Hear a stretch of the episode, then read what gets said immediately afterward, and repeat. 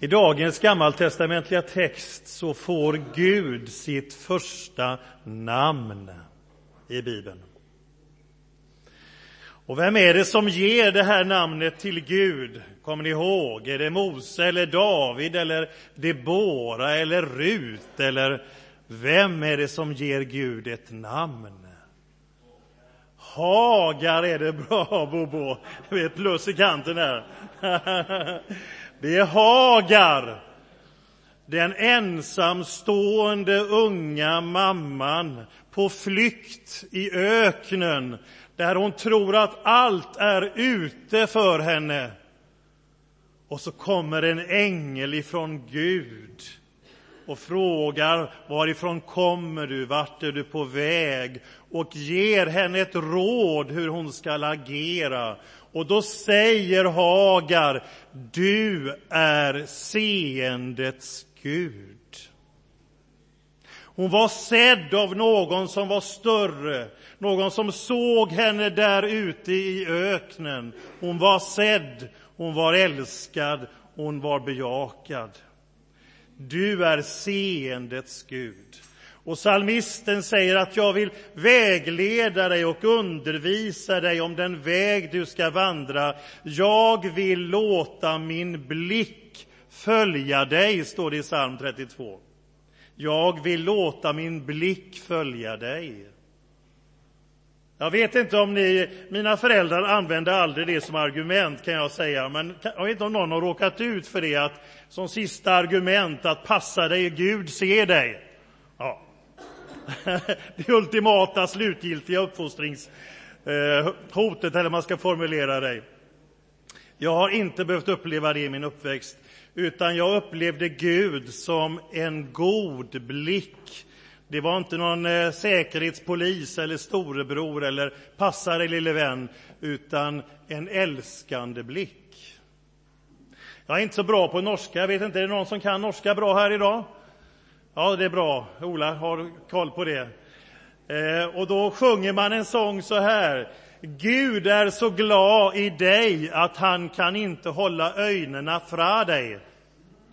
Gud är så glad i dig, Gud är så glad i dig att han kan inte hålla ögonen fra dig. Jag tycker om uttrycket Gud är så glad i dig. Det säger man när man är också förälskad. Det har ni väl varit och är? Ja. Man pirrar i kroppen. Och vad är hon? Var är han? Man har bara blicken för den personen, man ser inte de andra. Kommer hon, kommer han. Gud är förälskad i dig. Hans blick följer dig och det är kärlekens blick. Salmisten har uttryckt det i psalm 139 om hur Gud ser salmisten var han än befinner sig. Jag läser några verser från psalm 139. Herre, du utransakar mig och känner mig. Om jag står eller sitter så vet du det. Fast du är långt borta vet du vad jag tänker. Om jag går eller ligger så ser du det. Du är förtrogen med allt jag gör. Innan ordet är på min tunga vet du, Herre, allt vad jag vill säga. Du omger mig på alla sidor. Jag är helt i din hand. Den kunskapen är för djup för mig. Den övergår mitt förstånd. Vart skulle jag komma undan din närhet? Vart skulle jag fly för din blick? Stiger jag upp till himlen så finns du där. Lägger jag mig i dödsriket är du också där. Tog jag morgonrodnadens vingar gick jag till ytter, vila ytterst i havet skulle du nå mig även där och gripa mig med din hand. Jag gillar vi på Saltkråkan. Är det någon mer som gör det? Ja, den är så underbar. Kan sedan mycket som helst. Och Melker är min favorit ändå. Det är många som är underbara, men farbror Melker med sitt varma hjärta och vill ordna till det så bra. Men det blir inte alltid riktigt så som han har tänkt sig. En sån här favorit är när han ska leda in vatten, kommer ni ihåg det, in i huset med ränner. Och eh, för att underlätta för Malin så hon inte behöver gå och hämta vatten. Och så ställer han en spann där, men någon kommer och hämtar den och han bara fyller på vatten. Och, och så frågar han till slut i Tjorven, är det inte fullt snart? Han tänker i spannen. Och då säger Tjorven, nej det är bara upp till tröskeln. ja. ja.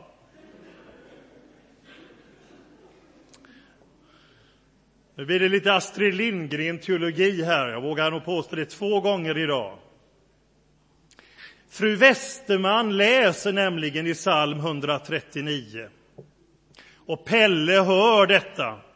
Och fru Westerman läser, tog jag morgonrådens vingar, gjorde jag med en boning ytterst i havet, läste fru Westerman, så suckade hon ett slag innan hon gick vidare. Fortsättningen brydde Pelle sig inte om. Det var bara de där orden, de fick han inte glömma, och han mumlade dem tyst för sig själv. Tog jag morgonrådarens vingar, gjorde jag mig en boning ytterst i havet. Som Snickargården till exempel. Det var en boning ytterst i havet, och där ville man vara.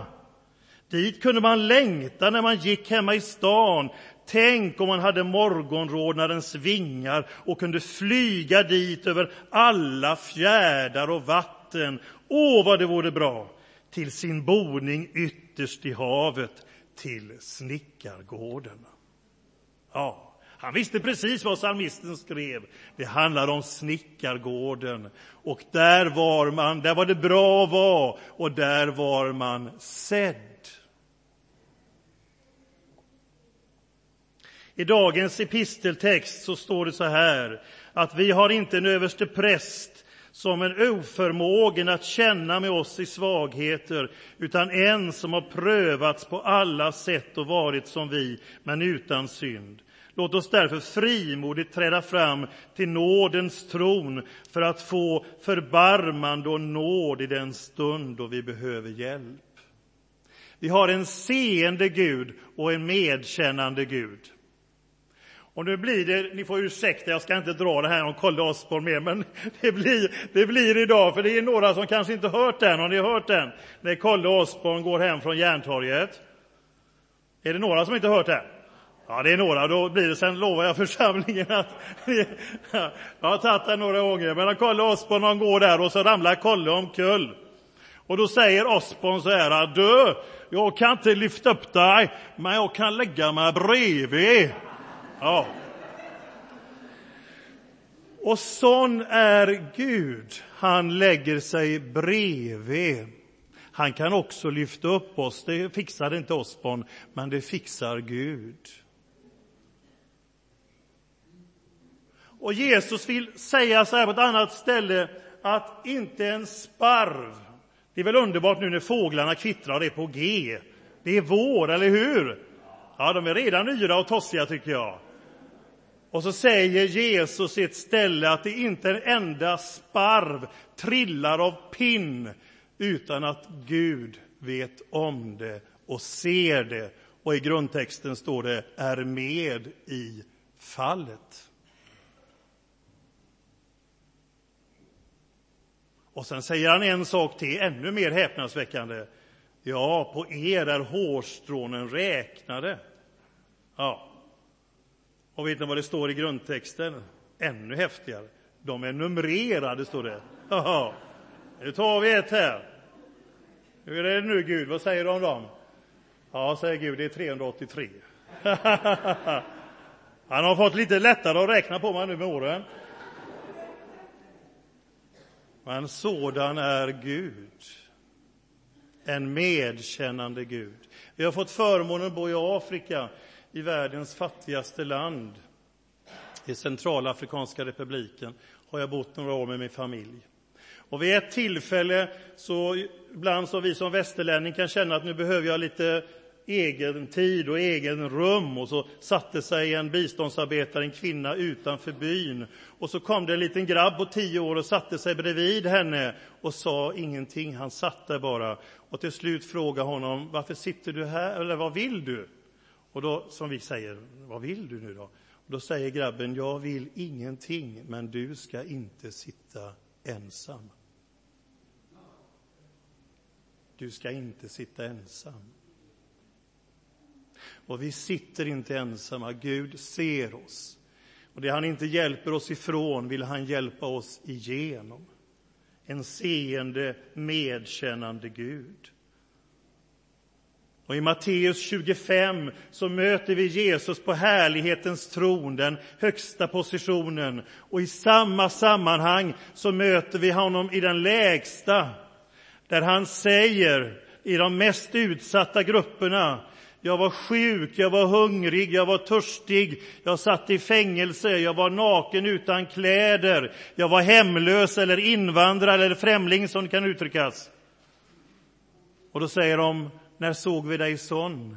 Jo, säger Jesus, vad helst ni gjort mot en av dessa mina minsta i de mest utsatta grupperna, det har ni gjort mot mig. Gud är en medkännande Gud, en seendes Gud. Och det kallar han dig och mig också att vara, att se, att bry sig. Vi har alfakurser, har ni gått till det någon gång? Vi har, ja, vi har det i vår kyrka här, det är jättespännande. Nu är vi i Bifrostkyrkan den här terminen. Och så har vi gudstjänster som också är lite alfastuk, om man får uttrycka sig så här, under hela terminen. Och i det här materialet som Nicky Gamble har skrivit, en präst i anglikanska kyrkan i London, i Holy Trinity Brompton Church, så berättar han så här. Varje kristen är en del av kyrkan. En församlingsmedlem kom en gång fram till John Wimber efter söndagens gudstjänst, en pastor som nu är hemma hos Gud. Han berättade med stor frustration hur han under veckan som gått förgäves försökt komma i kontakt med någon i kyrkan för att skaffa hjälp åt en behövande man som han hade träffat på. Mannen behövde någonstans att bo, mat och stöd från någon. Och medan han försöker hitta ett jobb, sa han. Jag är jätteirriterad. Jag försökte ringa till kyrkans expedition, men det fanns ingen som kunde hjälpa mig eller hade tid att träffa mig. Till slut blev jag ju tvungen att ha honom hemma hos mig hela veckan. Tycker du inte att kyrkan borde ta hand om sådana här människor istället? John Wimber berättar att han tänkte efter ett ögonblick och så sa han, det verkar som om det är just det som kyrkan har gjort. Ja. Det är du och jag. Till sist. Vi är bräckliga kärl, men Gud tror på dig och mig och vill använda oss. Och jag har en favorit till från Astrid Lindgren. Det finns många i Astrid Lindgrens värld, men nu kommer lite till från hennes teologi, vågar jag påstå. Nämligen när Emil ska ordna julfest för fattigjona. Kommer ni ihåg det? Ja, han tar all maten till fattigjona. Det skulle ju de ha i Ingatorp. Men vad hade han för argument? Ni får ursäkta, är det någon från Ingatorp här idag? Nej. vad säger han till Alfred? Alfred, drängen, är ju bekymrad. Först säger han någonting om Ingatorparna. De är tjocka tillräckligt. Ni får ursäkta, men så står det. De var tjocka tillräckligt, tyckte Emil. Ja, sa Alfred, men ändå. Ska vi verkligen ta hela julmaten som de ska ha och ge till fattigjorna, de verkligen som hade det svårt? Hur vågar vi det? Jo, säger Emil, om vi gör det, då klappar vem i händerna? Änglarna klappar i händerna, säger Emil. Okej, tänker Alfred, då är det lugnt. Änglarna klappar i händerna. Och vi kan göra små änglahyss, det blir min sista uppmuntran här. Ni vet att det har varit vänliga veckan alldeles nyss. Har ni kommit ihåg det? För förra veckan var vänliga veckan. Ja, ser du någon utan leende så ge honom eller henne ditt.